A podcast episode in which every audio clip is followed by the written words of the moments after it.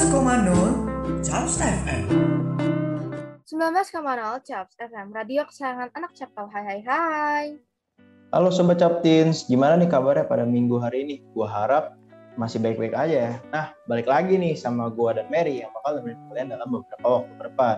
Nah, kalian pasti bertanya-tanya kan, kenapa sih podcaster tetap gua dan Mary, bukannya diganti orang lain gitu. Padahal gua sama Mary minggu lalu udah pamit kan. Nah, jadi uh, berhubung ada beberapa sobat Captins nih yang masih kita. Nah, makanya kita hadir lagi nih sekali lagi pada minggu kali ini. Nah, kira-kira pada minggu kali ini kita mau ngapain sih, Mer? Um, yang pastinya seperti episode-episode sebelumnya kita akan membahas mengenai suatu keagamaan. Tapi untuk hari ini kita bakal membahas tentang suatu agama apa sih, kok? Hmm, kan minggu lalu kita udah bahas agama Buddha nih. Dua minggu lalu kita udah bahas agama Katolik. Nah, ada dua agama lagi nih di SMA Negeri Jakarta, yaitu Kristen dan Islam. Nah, kira-kira kita mau bahas yang mana dulu nih? Um, kalau dari yang gue tahu, kayaknya hari ini kita bakal membahas tentang agama Kristen terlebih dahulu ya. Mungkin Ko Jason boleh langsung nih, kenalin ke Sobat Captins, siapa sih narasumber kita pada hari ini? Oke, jadi gue kasih tau dulu nih, narasumber kita ini merupakan salah satu anggota dari organisasi Rohani Kristen di SMA Negeri Jakarta. Nah, tanpa basa-basi lagi, langsung aja nih kita panggil orangnya.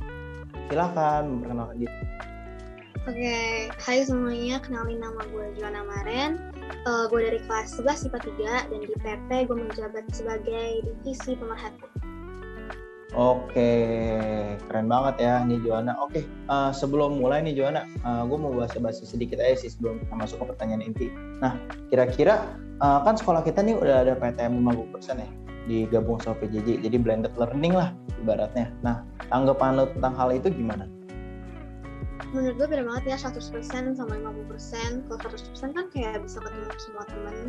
50% boro-boro bisa ketemu setengah aja nggak bisa gitu loh. Soalnya banyak yang nggak diizinin atau nggak lagi sakit terus sempet tuh gue, gue datang sehari pas 50% itu kayak gue gak ketemu temen sama sekali gitu loh. Gue cuman kayak belajar di kelas sama yang lain gitu. Tapi kayak nggak ada teman sama sekali. Jadi menurut gue oh my god beda banget ya. Gue masih suka uh, kayak beda jauh banget deh sama yang 100%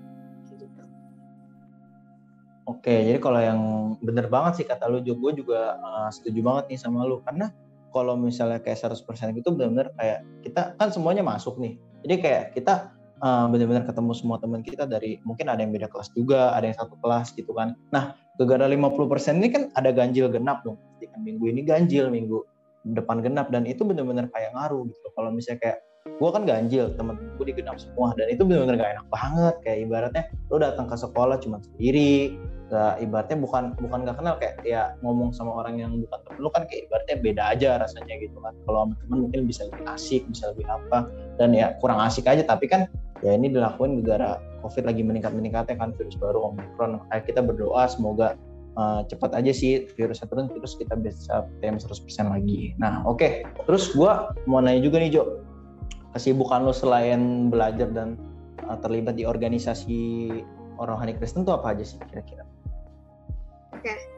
kan sekarang kan uh, uh, PTM PJJ gitu kan ya, dan minggu hari ini tuh minggu ini tuh lagi PJJ, jadi gue kayak punya banyak waktu luang banget, tapi bisa dibilang nggak banyak juga sih waktu gue, soalnya kayak um, gue ada sibuk kayanan juga ya di gereja gue, tapi ada juga pas gabutnya gue tuh kayak suka masak gitu. Masak makanan kayak buat gue makan sendiri gitu. Soalnya gue kayak suka lapar gitu guys. Tengah malam akhir-akhir ini gak tau kenapa ya. Terus juga suka menolep gitu main game atau gimana sama temen. Ya kayak gitu sih paling. Oke bener. Gue gue juga ini banget sih setuju banget sama soalnya gue malah kali ini juga uh, akhir-akhir ini ya semenjak musim penyakit ya. Sebenarnya kayak semenjak covid gitu kayak semenjak eh, semester 2 gini bulan Januari gue sering lapar tengah malam gitu. Apa apa makan apa apa makan. Terus kayak makan sehari ini ini uh, for information aja ya. Kayak gue makan sehari bisa empat kali lima kali gitu loh. Kayak itu kan gak normal banget kan tapi kata kata bapak gue uh, dia bilang ya apa apa setelah ini musim sakit apa apa makan dibanyakin yang penting gak penyakit. Itu tetap terjaga gitu dari penyakitnya gitu deh. Dan uh, apa namanya uh, gue juga ini sih kan awalnya gue juga sempat takut ya makan banyak gitu kan ya terus ya yang penting selama kita hidup sehat olahraga dan segala macamnya pastinya bisa oke deh uh, cukup basa basinya kita langsung aja nih ke pertanyaan inti kita pada podcast hari ini oke langsung aja nih mer ke pertanyaan pertama Oke, boleh banget. Untuk pertanyaan pertama, kalau boleh tahu nih, Ci, ke keunikan apa aja sih yang ada di agama Kristen? Oke, okay. hmm, menurut buat pribadi, keunikan di agama Kristen itu yang pertama ada di ajaran itu sendiri dibilang kita tuh harus mengampuni orang sebanyak 70 kali 7 kali, yang itu berarti kita harus ngampunin orang nggak ada batasnya gitu. Maupun sebanyak apa pun orang itu bersalah, uh, sebesar atau sekecil apa pun orang itu bersalah kita harus tetap ngampunin orang itu soalnya kita juga sebagai manusia suka ya yang namanya suka um, dosa gak luput dari kesalahan. Tuhan kita aja gitu ya Tuhan di agama Kristen itu aja kayak bilang e, gue aja ngampunin lu masa lu nggak ngampunin orang lain sih? Gitu loh. Maksudnya kayak Tuhan aja nih Tuhan mau ngampunin kita. Masa kita yang sebagai manusia nggak mau ngampunin Tuhan kita gitu? Terus yang kedua juga dibilang kita harus mengasihi sesama manusia maupun orang itu kayak beda dari kita mau beda suku ras kulit perbedaan penampilan. Walaupun mungkin perbedaan status uh, mungkin juga orang itu udah buat dosa sebanyak apa pun gitu ya. Kita harus tetap kayak uh, mengasihi sesama gitu loh peduli sesama. Jangan sampai kayak uh, lo tuh kayak benci atau bikin uh, simpan dendam sama orang itu. Jadi kayak kita harus tetap saling mengasihi sih Oke, jadi uh, eh, gue bener setuju banget sih. Dari kalau gue simpulin dari apa yang gue ngomong ya, uh, ibaratnya keunikannya yang pertama Tuhan itu uh, mengajarkan kita untuk mengampuni sesama kita orang lain gitu. Terus ya sebanyak-banyaknya tanpa batas 70 kali 7 kali itu artinya ya mungkin kalau matematika 490 kali gitu loh. Tapi itu pun ya berarti tanpa uh, sebanyak-banyaknya tanpa batas gitu. Gak boleh kita uh, memaafkan orang tuh kayak ada batasnya kayak oh gue udah maafin lu, gue gak mau maafin lu lagi gitu. Enggak gitu loh, jangan. Karena kita pun harus menurut gue gue suka banget siapa yang bilang kayak Tuhan aja udah ngampunin kita gitu. Ibaratnya masa kita nggak mau ngampunin orang lain juga? Ibaratnya kita nggak mau melakukan hal yang sama dengan Tuhan yang lakuin kepada kita gitu. Dan ibaratnya gue suka juga gitu loh gimana caranya Tuhan itu membuat kita untuk memaafkan. Karena ya Tuhan itu mau kita introspeksi diri kita sendiri. Karena ibaratnya diri kita aja ya ibaratnya belum bisa uh, bagus tapi kita orang buat salah sama kita kita nggak mau maafin gitu. Dan coba kalau misalnya kita jadi orang yang buat salah kalau kan dimaafin kan pasti rasanya nyesek banget kan kayak gitu. Loh terus juga gue suka poin kedua dan ibaratnya uh, Tuhan mengajarkan kita untuk mengasihi sesama tanpa ada perbedaan apa pun. Misalnya ada perbedaan di antara kita itu nggak luput kita untuk mengasihi sesama gitu. Dan gimana ya menurut gue banyak banget nih sekarang di masa-masa um, sekarang ini kayak ibaratnya masalah-masalah sosial seperti kesenjangan sosial yang kayak uh, yang kayak nggak peduli sama yang miskin yang kayak menghina yang miskin apa segala macam gitu. Dan itu menimbulkan kan ibaratnya kesenjangan gitu ya antara yang kelompok A dan kelompok B dan sebagainya. Dan uh, menurut gue dengan ajaran Tuhan seperti ini itu justru malah membuat kita sadar gitu kayak ya walaupun dia ibaratnya punya perbedaan warna kulit status dan segala macam tapi itu nggak luput dari kita buat gak bisa bersama-sama. Malah kita siapa tahu uh, dia punya kelebihan dalam bidang tertentu bisa membantu kita dan sebaliknya. Itu sih gitu dari gue Nah, kalau dari gue sendiri, gue bisa simpulin nih, dari poin pertama, gue bisa simpulin kalau misalkan Tuhan tuh ingin kita tuh saling memaafkan satu sama lain, tanpa memandang di mana pun dan kapan pun kita berada gitu. Nah, di sini kita juga bisa belajar tuh kalau misalkan kan kita sama nih, istilahnya derajatnya kita sama manusia tuh sama. Kayak kita aja tuh belum tentu mau memaafkan orang lain gitu. Sedangkan Tuhan yang mempunyai derajat yang lebih tinggi aja tuh mau memaafkan manusia yang mempunyai banyak dosa. Dan di sini gue juga bisa belajar untuk lebih saling memaafkan uh, satu sama lain gitu tanpa memandang apa yang namanya apa ya kayak rasa benci kesel gitu. Itu harus dihilangin dulu baru kita ini bisa memaafkan gitu. Lalu untuk poin yang kedua, gue bisa menyimpulkan kalau misalkan kita harus mengasihi satu sama lain tanpa memandang bulu. Tanpa memandang bulu ini tuh istilahnya kayak kita tidak melihat suku, ras, agama, budaya mereka kayak karena gini, kita diciptakan sama Tuhan itu aslinya sama, tapi kita cuma dibedakan dari bentuk muka. Kita cuma dibedakan dari agama, suku, ras dan lain sebagainya. Jadi di sini kita harus lebih saling mengasihi satu sama lain tanpa membedakan apa pun sih. Itu kalau dari gue. Oke, uh, udah cukup banget sih dari gue buat pertanyaan pertama nih. Oke deh, Ber, kita bisa langsung lanjut aja nih ke pertanyaan selanjutnya nih. Gue udah gak sabar banget uh, dari gue sendiri sih gue masih pengen penasaran lagi atau menggali lebih dalam lagi sih kalau tentang agama Kristen keunikannya. Nah kan kita udah membahas mengenai agama Kristen yang secara luasnya. Nah gue pengen tahu nih um, keunikan yang ada di rohani Kristen yang ada di sekolah SMA Negeri 19 itu apa aja sih? Ceh, mungkin boleh dijelasin. Oke. Okay. Um, keunikan menurut gue ya yang ada di PP Capkau ini tuh dari orang-orangnya sih, dari orang-orangnya yang kayak open banget, baik-baik banget. Ini dia orangnya kayak positive vibes banget deh dari setiap mereka. Um, misalnya dari kakak kelasnya aja sendiri gitu kan. Pas pertama kali gue masuk aja mereka yang kayak benar-benar open gitu loh, kayak nggak sombong, nggak gimana gitu ya. Kalau misalnya pun kayak gue ada salah, mereka bakal kayak nggak ngehakimin atau gimana. Malah mereka kayak pasti kayak ngajarin lagi, ngasih tau lagi. Tapi itu kan kayak secara baik-baik gitu loh. Jadi itu yang gue suka dari orang-orangnya Terus juga dari project PP itu sendiri ya, uh, mungkin yang kalian Kristen tahu, mini sel sama komsel. Menurut gue niat banget sih bikin program kayak gitu, yang maksudnya kapan lagi di sekolah bikin komunitas kecil gitu kan, buat kayak uh, membangun sama-sama gitu loh. Maksudnya uh, kayak mini sel aja gitu kita bikin buat kayak kita tuh uh, sama-sama bareng buat ceritain isi hati kita atau curhat segala macem. Ataupun komsel juga tuh setiap Sabtu jam 2 siang ya. Di situ kayak um, orang-orangnya open kita saling support. Menurut gue tuh niat banget sih buat sekedar organisasi yang ada di sekolah ya.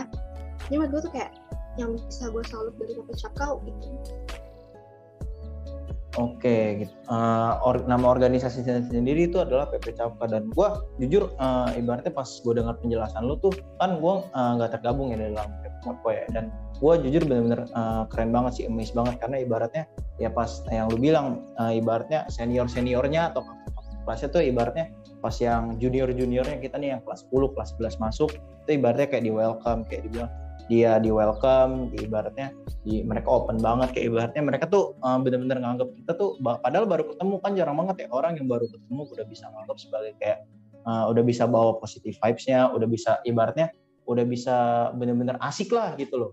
Jarang banget sih dan ibaratnya gue juga jujur kaget banget sih karena ini uh, pertama kali gue lihat ada organisasi gue kan pas di SMP dan di SD itu kan gak pernah kenal yang namanya organisasi agak keagamaan gitu kan ibaratnya. Nah di sini gue baru kenal dan ibaratnya keren banget sih ibaratnya yang gue pikir cuma bisa di gereja kayak bikin komunitas begini yang uh, tujuannya meningkatkan kebersamaan juga gitu loh meningkatkan kedekatan dan kebersamaan juga itu juga ternyata juga bisa direalisasikan di sekolah gitu jadi menurut gue sih gak ada yang gak mungkin gitu loh di sini dan itu menurut gue keren banget sih dari PP Capko 19 oke okay. Oke, okay. kita udah tahu nih dari keunikan yang ada di agama Kristen sendiri dan untuk PP Capkau sendiri. Oke, okay, kita langsung lanjut aja kali ya kalau untuk pertanyaan selanjutnya. Bener banget, langsung Mer. Gue udah penasaran banget nih. Oke, okay, untuk pertanyaan selanjutnya, uh, di saat kejadian apa sih Cijuana ini merasa bersyukur gitu kepada Tuhan? Dimulai dari hal simple aja ya. Kayak misalnya masih bisa hidup itu anugerah gak sih guys? Kayak kita masih bisa hidup aja gitu bangun oh iya gila gue masih bisa hidup gitu. Kan kayak kebanyakan orang mungkin ya um, ya mungkin masih ada yang sakit atau gimana ya tapi harus tetap bersyukur sih. Cuman kalau masih kita masih bisa hidup kita masih bisa sehat bangun-bangun itu uh, hal yang harus patut disyukurin. Terus juga yang paling gue syukurin juga masih punya orang-orang di sekitar gue yang kayak super duper baik banget kayak teman-teman gue mungkin kayak bestie bestie gue gitu kayak udah bener mereka tuh yang support abis. Kalau misalnya gue ada masalah atau, atau ada apa gitu ya mereka pasti bakal ngebantu gue terus juga um, gue masih bisa punya keluarga yang lengkap ya. Keluarga inti kayak kedua orang tua sama saudara-saudara itu harus disyukurin juga sih. Jadi yang mungkin menurut gue yang hal yang harus disyukurin kepada Tuhan itu dari simpel-simpel dulu aja baru ke hal-hal yang gede gitu. bener banget sih ibaratnya uh, kalau misalnya gue suka banget dari perkataan lo bilang hal-hal simpel dulu baru hal-hal lain. Karena kalau misalnya kita ibaratnya cuma bersyukur dengan hal-hal ibaratnya kita uh, dapat 100 gitu terus baru kita bersyukur. Kalau kita dapat 90 kita nggak bersyukur kayak berarti ah ibaratnya ah gue cuma dapat 90 ngapain bersyukur? Ya itu bener-bener menurut gue itu nggak baik banget gitu. Dan menurut gue juga banyak banget orang di luar sana yang masih nggak uh, bersyukur atas yang lo bilang tadi hal-hal kecil bisa bangun pagi aja masih bisa menghirup nafas bukan yang bersyukur kepada Tuhan eh malah lanjut tidur ibaratnya kan kayak gitu. Terus juga uh, apa namanya masih punya teman dan keluarga gitu. Banyak malah orang yang nggak yang nggak bersyukur gitu masih punya keluarga malah pengennya keluar hidup sendiri dan lain-lain. Kayak gitu. Dan menurut gue ya ini jadi salah satu cara uh, dari kita untuk memulai uh, cara bersyukur kepada Tuhan. Dari hal-hal simpel aja yang lu bilang tadi. Bangun pagi uh, bisa menghirup nafas oksigen gitu. Ya udah bersyukur gitu. Bukan bukan yang ibaratnya uh, bangun pagi ibaratnya ya langsung tidur lagi gitu. Dan nggak bersyukur gitu. Dan bersyukurnya cuma pada ya bersyukur bersyukur. Tapi cuma pada saat dikasih hal-hal yang besar gitu. Seperti itu sih dari gue gue juga suka sih sama jawaban Ciwana karena kalau misalkan kita bersyukur dari hal kecil misalkan kayak yang tadi Ciwana sebutin kayak kita masih bisa bangun kita masih sama bisa ketemu teman yang memiliki positive vibes buat kita masih ada keluarga itu kayak hal kecil yang buat kita bahagia gitu. Tau nggak sih? Kayak kalau misalkan kita nggak bersyukur lewat hal kecil itu aja gimana kita mau bisa bersyukur untuk hal yang lebih besar yang kita nggak tahu Tuhan bakal kasih gitu nantinya. Dan ini juga bisa jadi pelajaran untuk kita semua sih kayak benar kata Ko Jason dan Joana tadi kayak kita harus mulai bersyukur dari hal-hal kecil baru kita bisa ini melangkah lebih lanjut lagi gitu sih kalau dari ini. Tambahan sedikit ya ibaratnya jujur dengan bersyukur itu malah membuat kita menjadi lebih bahagia dan itu merefer kepada kata-kata yang masih gue pegang sekarang. Bahagia itu sederhana. Kita ketika kita bersyukur kepada hal-hal yang sederhana yang simpel segala macam itu akan membuat kita lebih bahagia gitu loh. Dan uh, ya benar kata orang bahagia itu sederhana. Gak butuh yang besar-besar kayak ibaratnya kita harus pergi ke mall segala macam cukup dengan spend time waktu bersama keluarga teman dan itu udah itu sih dari gue oke Demer bisa langsung lanjut aja ke pertanyaan selanjutnya gue udah agak sabar banget nih Oke, boleh banget. Untuk pertanyaan selanjutnya, ada nggak sih, Ci, uh, suatu kejadian yang buat iman Cici itu goyah gitu? Pasti ada nggak sih? Misalnya tuh kayak, um, mungkin dari contoh hal yang simple, mungkin tugas sebulan numpuk, terus jadwal gue padat selama seminggu, gue bakal kayak capek banget mikirnya, terus jadi kayak overthinking aja ke mana-mana. Jadi ujung-ujungnya gue kayak nyalain Tuhan gitu loh kayak gila Tuhan gue capek banget. Lo kayak nggak kasih gue kebebasan gitu sih. Padahal itu nggak boleh ya guys. Cuman kayak gue butuh hal yang harus dilampiasin aja. Gue nggak uh, mungkin di saat itu gue nggak punya orang untuk dilampiasin. Jadi ujung-ujungnya ujung-ujungnya tuh kayak uh, nyalain ke Tuhan gitu terus um, gak cuma itu aja mungkin masalah-masalah yang gede yang kecil aja gue kayak nyalain Tuhan gitu loh apalagi yang gede uh, makin numpuk makin numpuk gue pasti kayak ujung-ujungnya ngelain Tuhan gitu loh. Kayak gitu. Oke ya menurut gue ya wajar sih dalam kehidupan kita uh, ada saatnya di mana masa-masa kita ibaratnya kita tuh mempertanyakan gitu loh kayak nyalain Tuhan kayak ketika kita dapat cobaan ibaratnya kan tugas numpuk jadwal padat dapat masalah dalam kehidupan itu ibaratnya kita ibaratkan sebagai cobaan ya. Dan ya dalam hidup ya nggak mungkin gak sih kalau kita nggak menerima cobaan? Masa hidup kita cuma garis lurus kayak gini? Ya pasti maunya naik turun naik turun. Itu yang membuat hidup kita lebih berwarna gitu. Dan ya ketika Tuhan ngasih cobaan ya mungkin ada saatnya kita marah kita melampiaskan. Tapi ya menurut gue sih kita harus sadar lagi.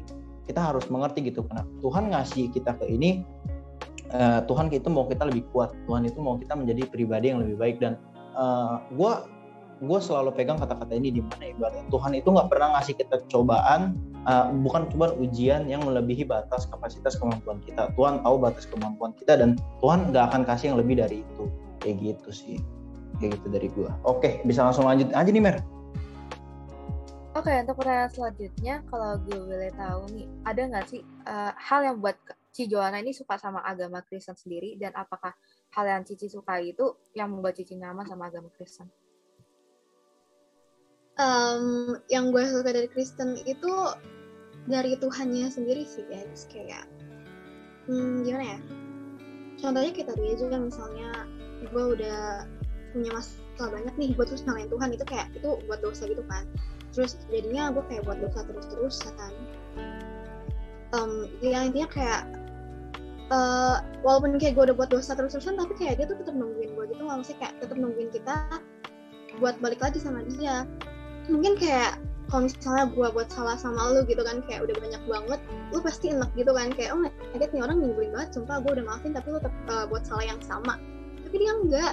Dia bakal terus nungguin kita gitu buat kayak kita balik sama dia. Dia nggak bakal pernah ninggalin kita tapi malahan kita yang ninggalin dia gitu loh. Tapi um, dia tetap terus stay di situ terus nunggu kita buat balik sama dia. Ya intinya dia kayak dia sesayang itu ya sama manusia yang uh, contohnya tuh kayak dia turun aja ke bumi gitu kan. Jadi anak manusia buat demi nyelamatin kita gitu dari dosa. Itu sih. Jadi menurut gue kayak yang bikin gue stay sampai sekarang di Kristen yang bikin gue nyaman banget itu karena Tuhannya sendiri. Dia sayang banget sama kita manusia gitu. Oke, jadi uh, bener banget sih. Gue juga jujur ibaratnya yang uh, pribadi Tuhan itu unik ya, tidak yang tadi lu jelaskan kepada gue ibaratnya. Nah, dan gue suka banget ibaratnya uh, lu bilang kayak ibaratnya kita yang ngejauhin Tuhan, bukan Tuhan yang ngejauhin kita gitu. Karena banyak orang yang membuat statement ya, menurut gue banyak orang membuat statement kayak ibaratnya mereka merasa mereka ditinggalkan oleh Tuhan, mereka merasa Tuhan itu nggak pernah nolong mereka gitu. Tapi uh, apa namanya ketika mereka uh, bertanya-tanya apa segala macam datang orang gitu uh, pasti ada akan orang orang bilang gue inget banget gue pernah nonton ilustrasi video ada orang bertanya-tanya seperti itu. Orang ada orang langsung ngomong kayak gini ya Tuhan gak menjauhi kamu tapi kamu yang menjauhi Tuhan gitu. Dan caranya gimana supaya um, dan dia dan dibilang lagi gini dan Tuhan tetap nungguin kamu untuk kembali ke dia gitu. Dan bagaimana cara kembalinya ya dengan kita berbuat baik dengan kita percaya bahwa Tuhan itu ada gitu. Dan dengan kita percaya bahwa Tuhan akan menyertai uh, setiap detik hidup kita. Seperti itu sih. Dan menurut gue juga ya uh, gue berharap dengan orang uh, kalian-kalian yang nonton podcast ini gitu loh mungkin kalian uh, merasa kalau Tuhan meninggalkan kalian ya cobalah untuk lebih ibaratnya lebih percaya kepada Tuhan, lebih melakukan hal baik, lebih sering ke gereja, bisa berdoa dan lain-lain sebagainya. Seperti itu sih dari gue. Oke. Okay yang bisa gue simpulin di sini sih Cibiana nyaman sama Tuhan tuh karena Tuhan tuh setia dan tidak pernah meninggalkan kita gitu.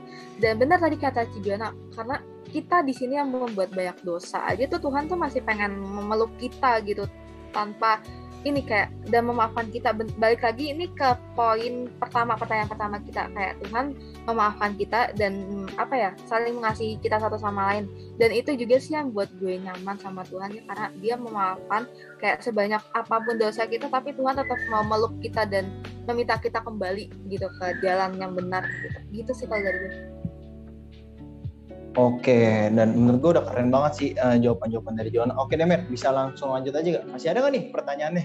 Atau udah Masih aja, tenang. Masih aja, tenang aja. Oke.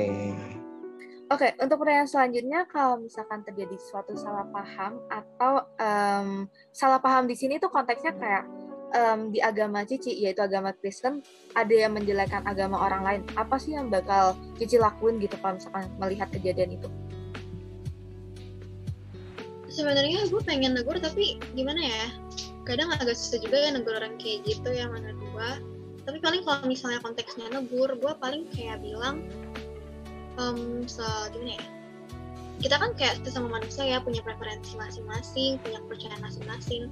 Menurut gue itu harus dihargain gitu loh gak bisa kita paksain atau kita kayak gila uh, agama ini gini-gini loh ini itu kayak nggak banget menurut gue itu kayak bisa menimbulkan perpecahan atau gimana menurut gue masing-masing orang kan punya kepercayaannya masing-masing. Kenapa lo ngehargain kalau misalnya kepercayaan lo sendiri dijelekin pasti lo nggak suka juga kan? Jadi menurut gue mending lebih uh, hargain sesama aja sih. Kalau misalnya gue negur orang paling kayak gitu.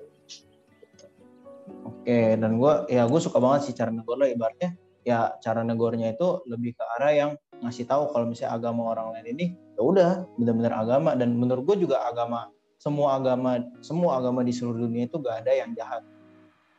Orang yang jahat kayak gitu. Semua agama itu mengajarkan satu hal yaitu kebaikan. Gak mungkin gak mungkin ada agama yang mengajarkan kejahatan gitu. Dan ibaratnya kalau ada orang kayak itu yang benar kata lu bilang kita harus nasihatin kita bilang. Karena ibaratnya kalau misalnya uh, orang itu kayak gitu gimana? Ibarat kita mau uh, mau kayak bineka tunggal ika gitu mau bersatu gitu. Ibaratnya negara uh, gegara satu orang itu malah memecah belah seluruh agama ibaratnya. Uh, jangan gegara. Ibaratnya ada peribahasa jangan gegara satu telur busuk itu merusak telur merusak uh, merusak telur lainnya gitu. Itu sih menurut gua. Jadi ibaratnya ya kita harus cegah benar-benar cegah sampai nggak ada orang yang uh, menghina walaupun tetap ada ya kita jangan segan-segan jangan capek-capek buat ngasih tahu gitu. Karena ya menurut gua itu penting banget itu merupakan satu hal yang penting. Ya, ibaratnya agama kita kan udah banyak di Indonesia. Ada lima atau enam kalau nggak salah. Tapi uh, dengan justru dengan adanya kebanyakan agama itu uh, menimbulkan satu keragaman yang bagus. Tapi di dalam positif pasti ada negatifnya. Mungkin negatifnya ketika terjadi perpecahan itu mungkin yang akan uh, menjadi suatu hal yang negatif gitu loh. Dan makanya kita harus bisa mencegah hal tersebut gitu dari gua. Nah kalau dari gue sendiri sih gue suka sama cara negurnya Cijuana ya, yang di mana cara negurnya Cijuana tuh lembut tapi bisa membuat kita menjadi pribadi yang lebih baik lagi. Dan benar juga apa yang tadi kok Jason ngomong tentang bineka tunggal ika yang di mana kita udah pasti tahu dong slogannya bineka tunggal ika tuh kayak bersatu kita teguh, bercerai kita runtuh. Nah di sini kita tuh udah tahu gitu kalau misalkan kita pengen bersatu, kita harus bisa menghargai gitu agama, ras, suku dan lain sebagainya. Dan menurut gue itu juga menjadi salah satu kunci agar negara itu bisa tetap bersatu gitu sih dari gue. Oke, uh, kira-kira masih ada pertanyaan lagi nih Mer untuk Cijuana? Apakah udah kita akhirin aja nih sampai di sini? Sayang banget um, sih kalau diakhirin. Masih ada pertanyaan bonus sih kalau untuk Pertanyaan bonus.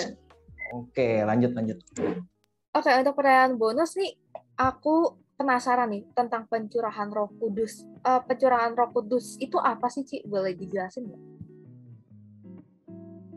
Oke, okay, pencurahan Roh Kudus itu gimana ya bilangnya? Uh, gue jelasin dulu ya kak, dari konsep Tritunggal. Mungkin bagi kalian gak asing lagi buat dengar konsep Tritunggal di mana itu Tuhan itu tiga tapi satu. Tiganya itu tuh maksudnya Allah Bapa, Allah Anak, Allah Roh Kudus Allah Bapa itu yang menciptakan uh, bumi dan seisinya. Kalau Allah Anak itu yang turun dari surga ke bumi buat menyelamatkan manusia. Kalau yang Roh Kudus itu dia itu dipercaya uh, ada bagi setiap umat Kristen. Maksudnya kayak masing-masing dari kita yang umat Kristen punya Roh Kudus itu sendiri. Gunanya tuh apa sih? Gunanya itu kayak dia tuh yang kayak ngehibur kita, yang kasih kita kuasa. Kalau misalnya kita lagi sedih, ya gimana ya bahasa gampangnya tuh kayak Tuhan tuh selalu ada buat kita gitu loh tapi dalam bentuk Roh Kudus kayak gitu. Nah pencurahan Roh Kudus itu kayak um, pencurahan Roh Kudus itu terjadi pada hari Pentakosta 10 hari setelah kenaikan Tuhan Yesus. Kalau kalian tahu kayak kenaikan Tuhan Yesus uh, sehabis dari kematiannya gitu uh, setelah 10 harinya itu ada Pentakosta dan di situ ada pencurahan Roh Kudus. Pencurahan Roh Kudus itu maksudnya tuh kayak waktu itu di Alkitab tertulis kalau setiap jemaat-jemaatnya, setiap murid-murid Tuhan Yesus nih kayak di apa ya, dimasukin Roh Kudus gitu. Itu tuh kayak gunanya biar kayak setiap murid-murid Tuhan kayak ada kuasa buat yang memberitakan Injil, um, kasih tahu yang lain gitu kayak mem mempengaruhi yang lainnya gitu loh biar kayak bisa percaya sama Tuhan. Jadi kayak pencerahan Roh Kudus itu kayak gunanya buat kayak masukin ke masuk ke dalam tubuh kita gitu buat kasih kuasa buat kita, buat kasih penghiburan ke kita. Ya, kayak gitu sih uh, Roh Kudus itu. Oke, dan uh, gue jujur tadi pengen nanya juga mengenai konsep tunggal, tapi gara lu udah jelasin nih, ya gue nggak perlu nanya lagi, gue cuma perlu simpulin lagi. Jadi gue punya dua poin yaitu konsep tunggal sendiri dan pencerahan Roh Kudus. Nah, dan uh, eh, gue pun menurut gue ya masih banyak orang-orang yang bingung atau miskom mengenai konsep tunggal itu sendiri. Mereka malah bilang kayak Tuhan ada tiga gitu. Padahal enggak, Tuhan tunggal gitu. Kita mendalami kata tunggal. Tri itu artinya tiga, tunggal itu artinya satu. Tuhan tiga tapi satu gitu. Dan ibaratnya Allah Bapa, Anak dan Roh Kudus atau Allah Bapa, Putra dan Roh Kudus gitu. Dan jadi uh, apa mereka punya perannya masing-masing gitu loh yang membuat kita itu jujur yang menyertai hidup kita yang membuat hidup kita menjadi lebih berdampak. Dan ibaratnya Roh Kudus itu yang menyertai hidup kita ibaratnya di mana kita sedih uh, kita itu masih punya Roh Kudus untuk menyertai kita untuk menyertai hidup kita juga ya, untuk menyertai hari-hari kita setiap detiknya gitu ya gue bilang juga. Dan menurut gue pencurahan Roh Kudus itu uh, kalau ibaratnya kan yang tadi lu jelasin uh, Roh Kudus masuk ke tubuh-tubuh para murid Yesus, para para orang yang berpentakosta di sana untuk ibaratnya memberikan mereka kuasa untuk menyebarkan Injil, untuk memberitakan Injil juga untuk me, uh, untuk membuat orang-orang itu lebih percaya kepada Tuhan. Ya mungkin kalau misalnya kita artikan ke dalam kehidupan sekarang itu iba, lebih ke arah ibaratnya tuh uh, Roh Kudus itu memasuki tubuh kita dan memberikan kita kuasa berupa talenta mungkin bagaimana caranya kita uh, memuliakan nama Tuhan, bagaimana caranya kita meng, memperluas gereja kita, gereja dalam tanda kutip ya, yang membuat ibaratnya Tuhan itu menjadi lebih senang pada kita, gitu sih dari gue. Oke. Okay. Nah kalau dari gue kan gue sebagai orang awam ya di sini yang tidak mengetahui tentang ini, gue di sini pengen, gue penasaran sih kayak kan tadi si Joanna ada bilang tentang Roh Kudus yang masuk ke dalam diri kita gitu. Nah itu ada karakteristik tertentu nggak sih, Ci? Atau misalkan itu kayak ya emang orang yang lagi ber merayakan Pentakosta dan murid-murid Yesus saja gitu? Um, sebenarnya nggak di Pentakosta doang sih, itu bisa terjadi kapan pun dan di mana pun selama lu siap nerima gitu loh. Maksudnya kayak ada peristiwa atau misalnya lu lagi nyembah puji Tuhan nih, terus lu merasa kayak lu mendalam banget, mungkin aja itu bisa terjadi gitu loh pencurahan Roh Kudus terhadap diri lu sendiri. Dan di situ rasanya tuh kayak um, lu tuh kayak uh, damai gitu terus lu ngerasa kayak um, bisa ngelakuin apa pun tapi dalam perlindungan Tuhan dalam kuasa Tuhan gitu loh kayak gitu deh istilahnya hmm, gitu. oh jadi ibaratnya nggak mungkin uh, yang diceritakan itu kan di pada saat Pentakosta mungkin uh, kalau ibaratnya itu bisa uh, itu bisa terjadi selain uh, selain di pada saat di luar Pentakosta ya ibaratnya kayak gitu selama kita mau membuka diri kita kepada Tuhan ibaratnya mau membiarkan Tuhan masuk nih ke dalam hati kita, mau membiarkan Tuhan tinggal di dalam hati kita, membuat hati kita menjadi lebih baik, ya ibaratnya sih uh, kita bakal bisa menerima berkat yang Tuhan kasih kepada kita. Ya Roh Kudus kan juga ibaratnya uh, menyertai kita, pasti kan diutus oleh Tuhan. Seperti itu sih dari gua. Oke, dari Mary ada tambahan nggak? Um, dari gue kayaknya udah cukup ya kayak karena kita juga hmm. ini. Udah cukup ya. Hmm. Ya, Tadi lu bilang ini pertanyaan bonus dan udah nggak ada pertanyaan lagi nih.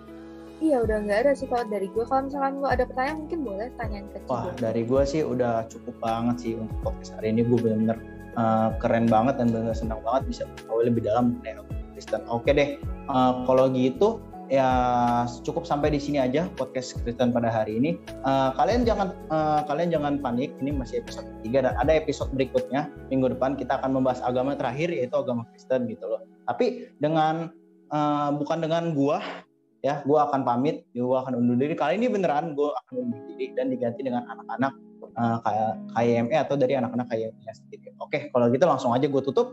Gua Harley dan gue Mary Sampai sampai berjumpa di podcast berikutnya. Bye bye. Bye bye.